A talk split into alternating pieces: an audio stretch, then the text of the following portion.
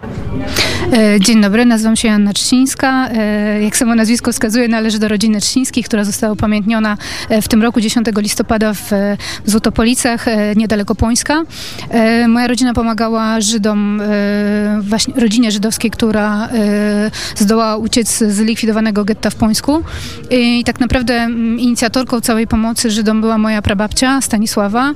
Pomagała rodzinie żydowskiej Klinów razem ze swoimi synami, ze starszym Stefanem i z młodszym Janem, moim dziadkiem.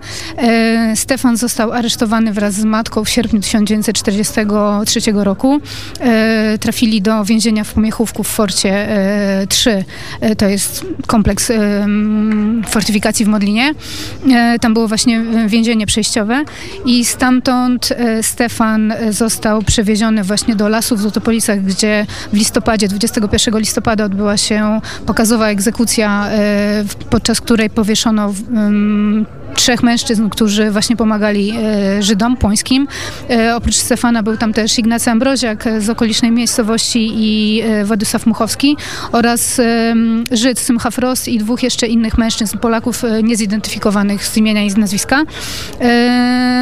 I tak jak było wspomniane podczas uroczystości właśnie, to miejsce było takim, miało być takim miejscem wstydu i pamięci. Dzięki Instytutowi właśnie w maju stanął tam pomnik i została upamiętniona ta historia, która oczywiście była obecna mm, w rodzinie. Rodziny znały tę historię, była ona powtarzana.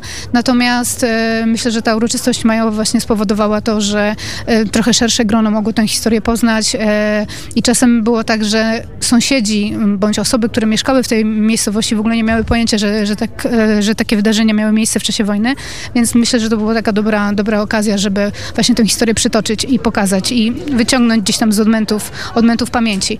Um, taką wisienką na torcie, myślę, um, całego, całej tej inicjatywy było to, że po 80 latach udało się ustalić losy naszej prababci, ponieważ Stefan, tak jak mówiłam, był powieszony w pokazowej egzekucji, natomiast um, los naszej prababci się e, urywał 5, e, w zasadzie na początku grudnia tego samego roku.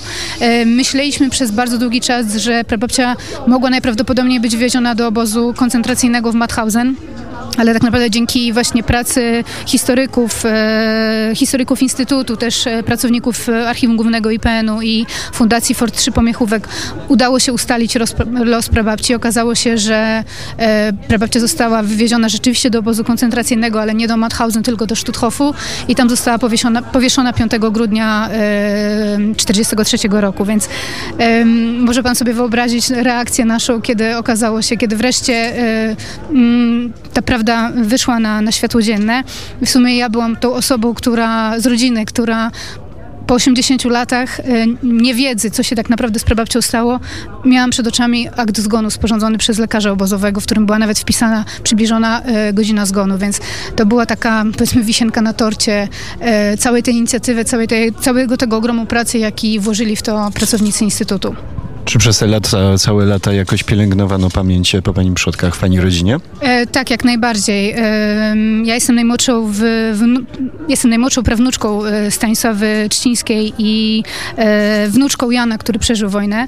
E, zarówno prababcia, jak i jej synowie, Stefan i Jan, zostali też oznaczeni medalem Sprawiedliwości wśród Narodów Świata, przyznawanym przez Instytut Yad Vashem, więc ta pamięć e, była pielęgnowana i rodzina została już e, upamiętniona, ale mówię, cała inicjatywa Zawołanie po imieniu to jest taka świetna okazja, żeby właśnie wspólnocie lokalnej przybliżyć tę historię. Nie tylko globalnie, ale lokalnie.